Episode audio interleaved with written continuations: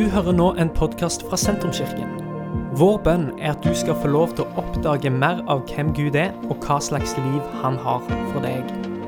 Mer informasjon om hvem vi er og hva som skjer i kirka, befinner du på sentrums.no og i sosiale medier. Velkommen alle sammen til en ny podkastepisode, en ny samtale med òg en ny gjest. Og eh, dette har jeg sett fram til, for vi har eh, starta en, eh, en, ny serie i Sentrumskirka nå i april som heter Ord som gir liv. Og det er egentlig en del av et større fokus eh, som handler om vår åndelighet, og at vi er åndelige mennesker. Eh, og at det finnes en åndelig dimensjon eh, som eh, vi egentlig setter fokus på hele denne vinteren og, og, utover våren. Og akkurat nå så stopper vi opp og snakker om ordene som vi bruker. Vi vil lære oss å sette ord på vårt forhold til Gud, vi vil lære oss å sette ord på vår åndelighet. Men òg som en del av denne serien så vil vi ha fokus på samtalen som vi òg har med hverandre. Vi vil ha fokus på hva samtalen gjør med oss, og hvordan vi kan tilrettelegge for gode samtaler. Og I den forbindelse så har vi med oss Einar Nymoen, som er fra Sandefjord. Eh, pensjonert pastor, men eh, er en som likevel har masse å komme med. Eh, og det sies jo om deg, Einar, at du er det samme for sjelesorgen som Egil Svartdal er for forkynnelsen. Jeg vet ikke om du vil si deg enig i det, eller om du vil bruke andre ord når du introduserer deg sjøl? Ja, det var jo voldsomt. Da, tusen takk forresten for uh, at jeg får lov til å være med på denne podkasten. Det er jo en spennende erfaring for meg å være med denne helga òg. Uh, ja, det var vel en uh, mild overdrivelse da, Thomas, men jeg, jeg, kjøper den. For jeg, jeg har, det har betydd veldig mye for meg sjøl i forhold til dette med sjelesorg. men for å si kort om meg sjøl, så er jeg 71 år, nypensjonist sist sommer. Jeg er gift med Lill gjennom snart 50 år og har to døtre. Og derfor også to svigersønner og seks barnebarn. Så det er liksom der fokuset mitt er nå etter i pensjonstiden, selv om det er litt komplisert nå i koronatid da, med å besøke de. De bor i Oslo, og vi bor altså i Sandefjord, hvor jeg var pastor de siste 20 årene. Men jeg har vært pastor til sammen i 45 år, faktisk, i eh, fem forskjellige pinsekirker. Sånne tradisjonelle pinsekirker. Um, og det har vært mitt liv. Ja. Så eh, der har du for så vidt risset rundt, rundt meg, da.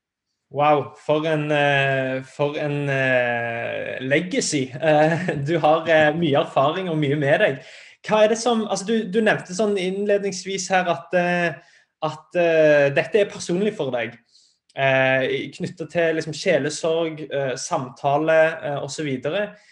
kan du si noe bare kort om det, hva som gjør at dette er en sånn hjertesak for deg?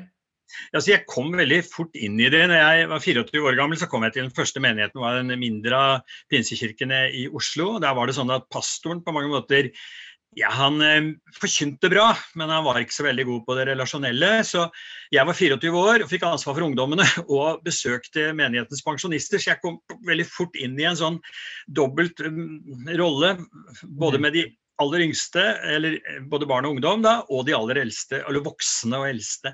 Og jeg fikk på en måte smaken på dialogen. Du vet at Forkynnelse, sånn som vi er, det er jo en form for monolog. Da står predikanten og snakker, og folk må finne seg å høre på. Eh, mens dialogen, altså samtalen, hvis du ser på Jesus, så er det jo det han bruker aller aller mest. Han, han eh, holder taler, ja, det gjør han jo. Men han gjør det ofte med mennesker i, i, i eh, små grupper. Og han eh, samtaler veldig mange av de store hendelsene, de store fortellingene og de store sannhetene i Det nye testamentet, det er jo sagt i enesamtaler med ett enkelt menneske, sånn som Nikodemus-samtalen og, og, kvinnen ved brønnen-samtalen som store eksempler. Og mm. jeg tenker at Det er læringen vår. da, Når Jesus sjøl brukte så mye tid på samtale, å høre, å høre, den andres eh, versjon eller den andres innlegg, og lytte og samtidig snakke, så må jo vi også lære av det. Så jeg kom veldig tidlig inn i det og syntes det var veldig spennende å, å, høre ikke minst eldre folks erfaringer og ofte konservative synspunkter. og sånn skjerpe mine egne tanker rundt det. Så, så det har betydd noe for meg hele mitt pastorliv. da. Ja, jeg blir fristet til å spørre bare rett eh, knyttet til det du sier her. Er, er, det for mye fokus på forkynnelse? Altså sånn I kirkene våre har vi, har vi en slags overvekt på forkynnelsens eh, viktighet og kanskje har mista dette med dialog? Nei, altså jeg, jeg syns vel ikke det. Altså jeg, jeg mener det å proklamere evangeliet, eh, det syns jeg er, viktig.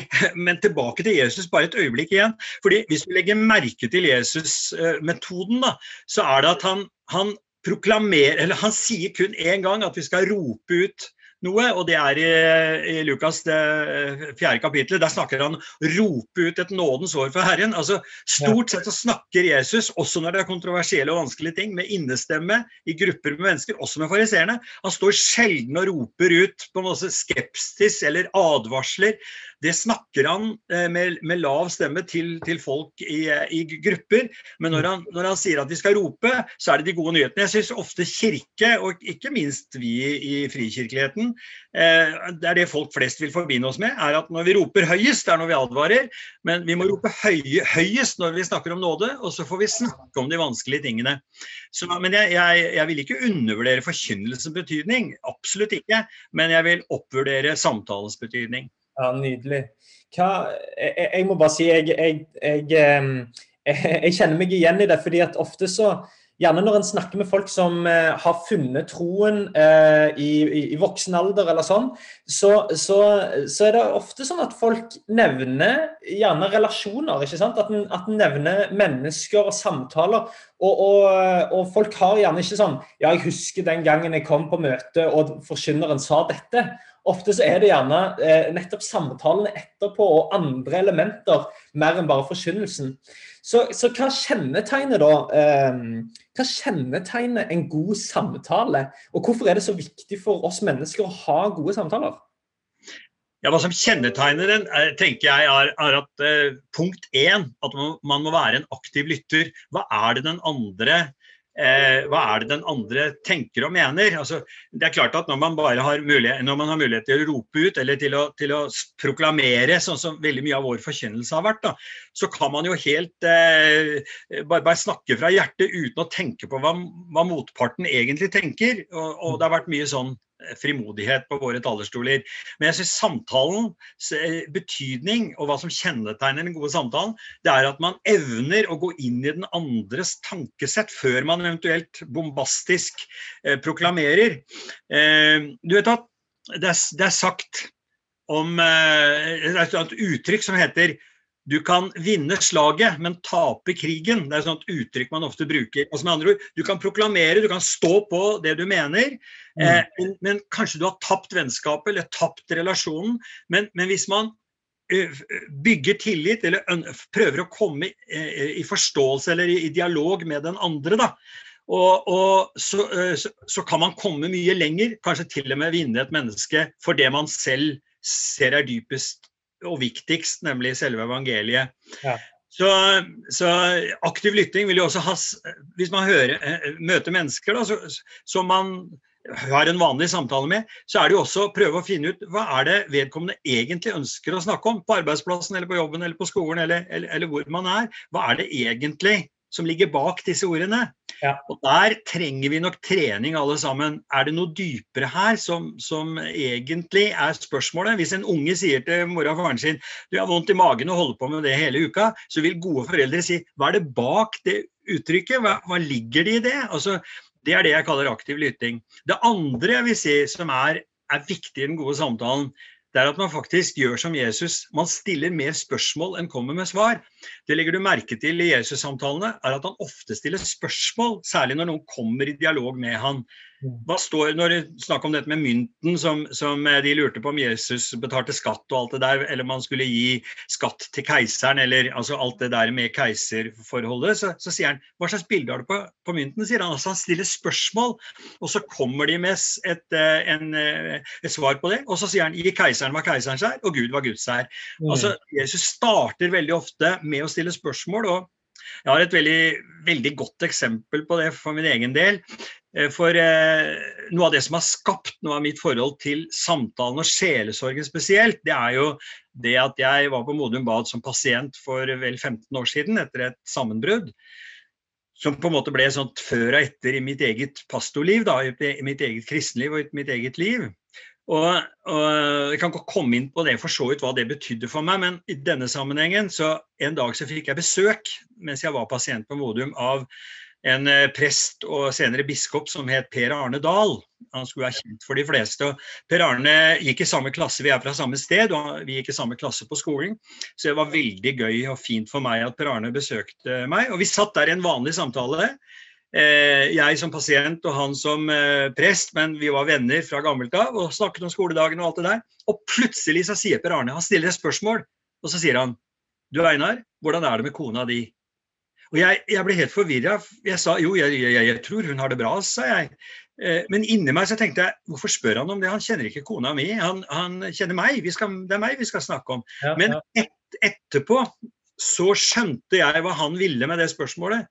Han satte i gang en samtale hos meg, en indre samtale, og noe som har betydd veldig mye for meg, det er det at uh, uansett i livet det å ha et perspektiv på at det handler ikke bare om deg, men det er mennesker rundt deg. Så det spørsmålet satte i gang en hel flod, en hel bølge av tanker og synspunkter som blir viktig for meg i ettertid. Derfor mener jeg det at, at den gode samtalen handler faktisk om å stille de gode spørsmålene til den andre parten. Mm. Wow, så aktiv lytting eh, og stille gode spørsmål. Um, dette, dette, er kjempebra. Hva, um, vi bruker dette begrepet sjelesorg. Hva legger du i det? Ja, Det handler jo om at man eh, avgrenser til å snakke om det som har med det indre livet å gjøre. altså det, det, det, de spørsmålene som handler for så vidt om gudsrelasjonen. Eh, det handler jo selvfølgelig om menneskelige ting også, men det er den samtalen hvor, hvor grensene går på på uh, at man ikke snakker bare om vær og vind, men at man, men at man snakker om uh, hvorfor man har det som man har det, og, og kanskje uh, ikke minst da samtalen rundt tro og tvil og, og, og, alt det. Altså om det indre mennesket, det indre livet og forholdet til Gud. det vil også selvfølgelig handle om andre ting eh, som toucher borti det, f.eks. mellommenneskelige relasjoner, forhold til ekteskap, forhold til ja, det, det, det, et menneske har av spørsmål og, og, og tankegods. Eh, det er mye som ligger i sjelesorgsamtalen.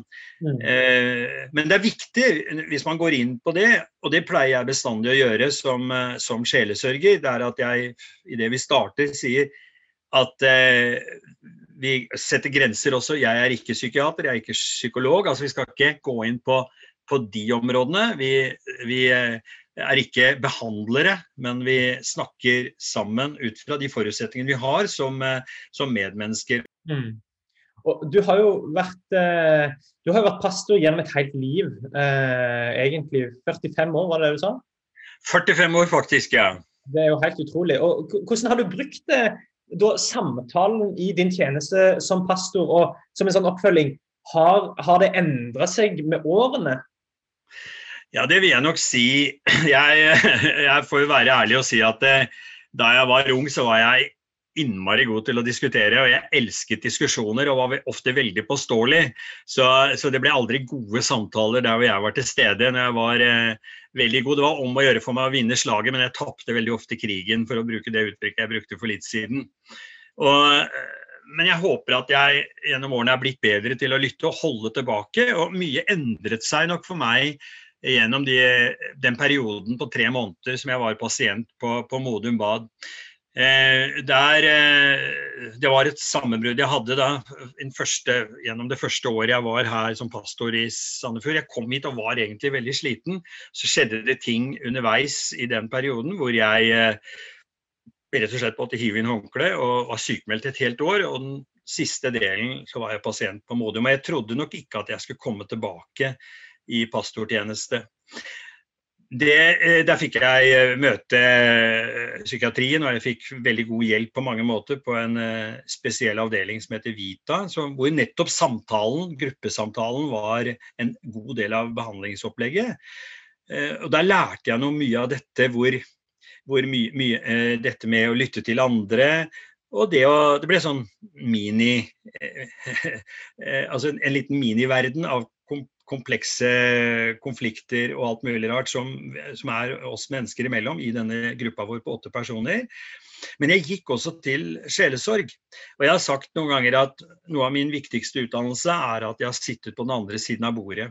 Så jeg, derfor har de siste 15 årene eh, vært veldig viktige for meg i den forstand at jeg, jeg, er kjent på den andre siden av bordet. Jeg vet åssen det er å være eh, den som søker hjelp. Ja. Og, og, det har nok også gitt en slags eh, skal vi si, en slags eh, frimodighet for mennesker til å oppsøke meg. Da. Slik at de siste 15 årene har vært helt eh, annerledes enn før for meg som sjelesørger. Fordi på en eller annen måte så har det, det at min fortelling er blitt kjent, da, det at jeg har fått lov til å dele den, eh, har gjort at mennesker har søkt til meg. Og, og eh, og som sagt, jeg er kjent på den andre siden av bordet. Jeg har, jeg har fått lov til å være i den, det privilegiet å gå til sjelesorg.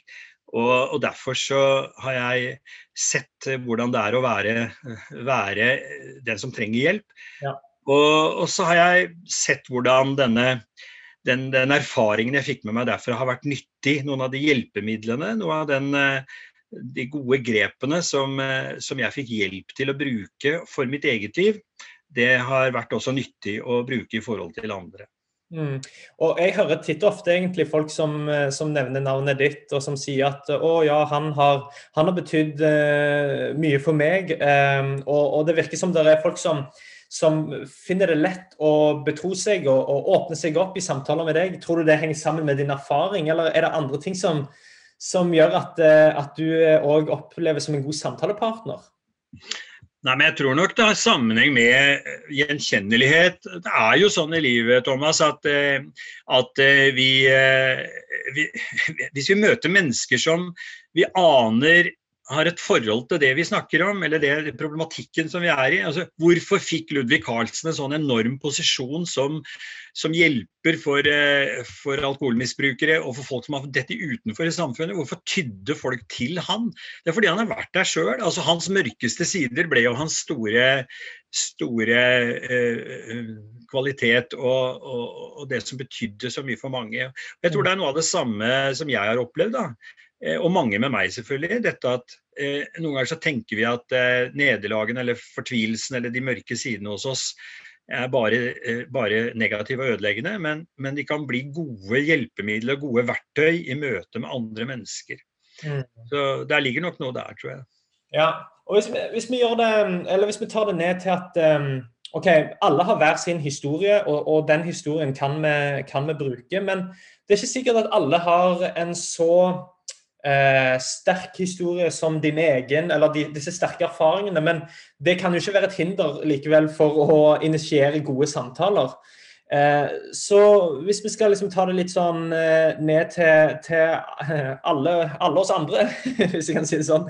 Hvordan kan vi Eh, hvordan kan vi egentlig tilrettelegge for eller initiere sånne gode samtaler? For min, min opplevelse er jo at vi og det er kanskje litt sånn generaliserende, men jeg, men jeg føler kanskje at vi nordmenn er veldig sånn ja, vi er, vi er, kanskje litt overfladiske, og som du nevner, vi snakker fort om vær og vind og, og Netflix-serier og, og, liksom det ene og det andre, og fotball. Og, men, men, hvordan går vi fra liksom at, at, vi, at vi, blir liksom overfladiske til å faktisk gå et hakk eh, dypere?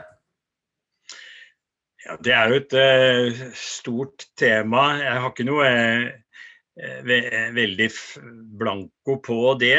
Det er jo klart, Jeg nevnte dette begrepet med aktiv lytting.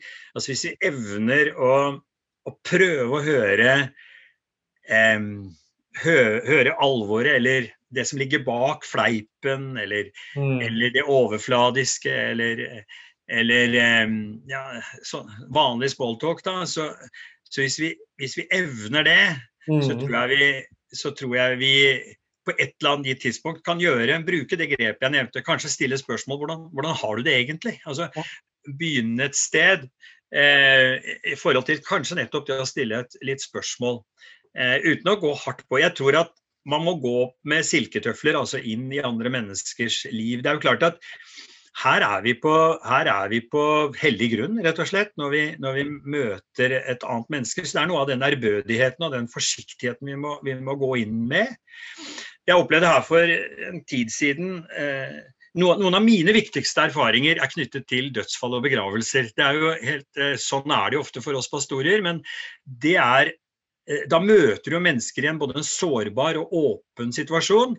Men jeg har også vært borti mennesker som, som på mange måter i møte med meg, da, som, som er valgt som prest i en, en begravelse, eh, familier som kanskje ikke har noe med menigheten å gjøre, som også har vært skeptiske. Jeg, jeg var borti en, en, en, sorgsamtale her for en, en, ikke så fryktelig mange år siden. Hvor en i vår menighet eh, døde, og han var skilt. Og den fraskilte kona og barna hadde ingenting med menigheten å gjøre.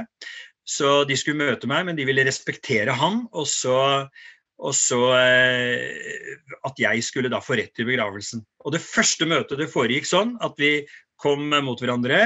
Og hun tok meg i hånden og hilste på meg. Så sier, han, har, så sier hun vi har valgt deg som prest, og jeg er skeptisk. Det var inngangen. Og der starta vi. Og da tenker jeg, hva gjør jeg nå? Hele utgangspunktet var Det var ikke null, det var under null, det var på minussiden.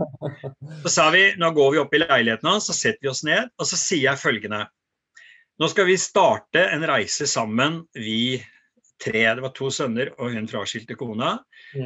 Eh, nå skal vi starte en reise sammen. Og enden på den reisen ender når dere går ut av begravelsen den dagen. Og da skal dere tre trekke et lettelsessuk og si at det var sånn vi ønsket at det skulle være. Det er mitt mål, dit skal vi. Og så begynte vi å bygge stein på stein. Og så og så endte vi der. Så innen vi gikk fra hverandre etter to timers samtale, så klemte de meg alle tre, og så sa vi dette skal gå fint. Ja. Altså, det er noe med Jeg blir trigga av den motstanden, faktisk. Ja. Hvis vi ikke er redde når, når, folk er skeptiske til oss, eller når vi møter dem, men kan gå inn på en måte eh, og, og, og prøve å utnytte det og tenke at Vel, vel, de har rett. De skal være skeptiske til vår tro, til vår kristendom. De kan ha alle mulige, alle mulige motforestillinger ut fra det de tror de vet om oss. Mm. Er, vi kan starte under null, men et eller, annet, et eller annet kan vi få bruke ut fra vår egen erfaring, ut fra vårt eget liv, og starte der i en type ærbødighet for den andre synspunkter, og så gå sakte framover. Det er i hvert fall sånn jeg tenker vi alle kan gjøre i forhold til å bygge en god samtale. Wow. Nydelig å, å høre deg, Einar. Um, før vi avslutter, jeg um, hadde òg lyst til å bare stille uh, noen få spørsmål i forhold til um, samtalens plass i liksom vår åndelige utvikling. Sant? Eh, vi har jo denne serien som, som, der vi snakker om at vi er åndelige mennesker. Vi er mer enn, en bare psyken vår eller følelsen vår, men det er en sånn åndelig dimensjon òg. Ehm, hva tror du er den Eller hvilken funksjon tror du samtalen kan ha i denne åndelige utviklingen? Ja, jeg, jeg igjen tilbake til, til Jesus. Eh, praksisen, så, så, er det vel der eh, mennesker både er og, og både starter, og, og, hvor deres kristne liv utvikler seg aller mest når de får lov til å komme med sine egne tanker. Eh, et eksempel på, på, forskjellen eh, tilbake til noe av det vi snakket om når det gjelder hvis vi tenker på forkynnelse, altså monologen og samtalen, Eh, mange av oss har vært med på alfakurs, og den er jo delt mellom prekener, og jeg har holdt mange sånne alfaprekener, og samtale i grupper. Og det rare er jo at når folk skal snakke om en utvikling i sitt kristne liv, så er det jo sjelden at man fokuserer på talen, men man fokuserer på samtalen etterpå. Og, og, mange av de som sitter og har disse samtalene, er jo ofte amatører. Folk som føler at de kommer til kort. Og vi som da er forkynnere, vi skal være de profesjonelle. Men det er ikke Min, min, erfaring er at det er ikke disse talene våre som folk snakker om.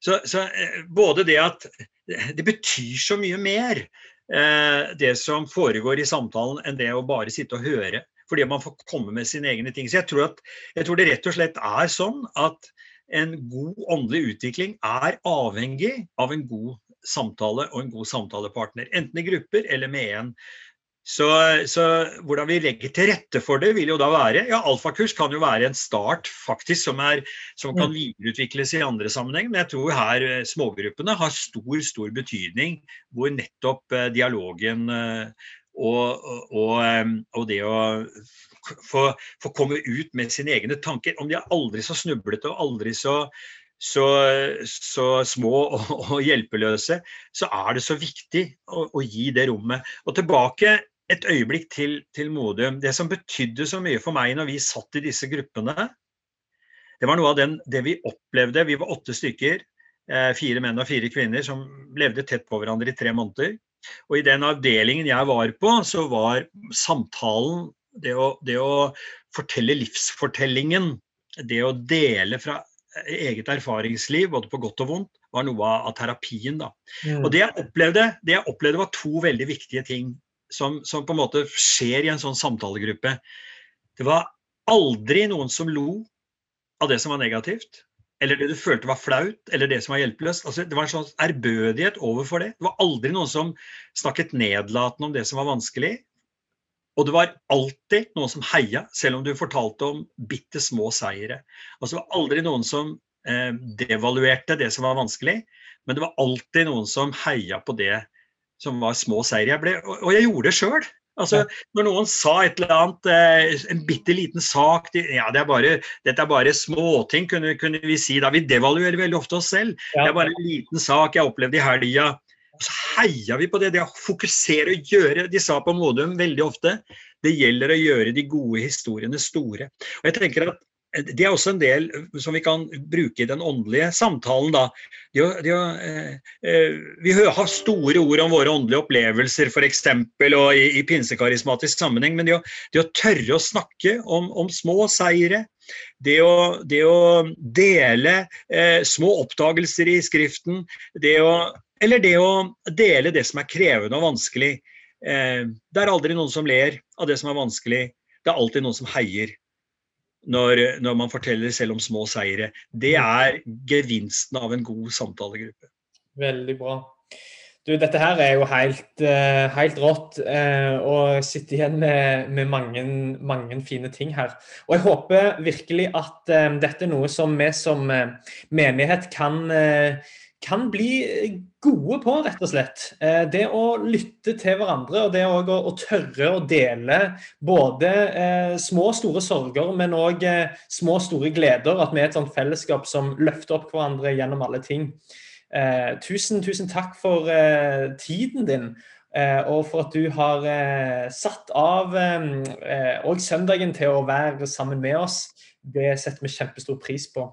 Eh, så vil jeg også si til alle dere som hører på, at eh, vi er en gjeng med pastorer og ledere som mer enn gjerne har lyst til å komme i kontakt med deg. Kanskje hører du på denne podkasten og du er ikke en del av Sentrumskirka fra før. Eh, gi oss en lyd, send en mail, eller du kan nå oss òg på et telefonnummer som du òg finner på nettsidene våre.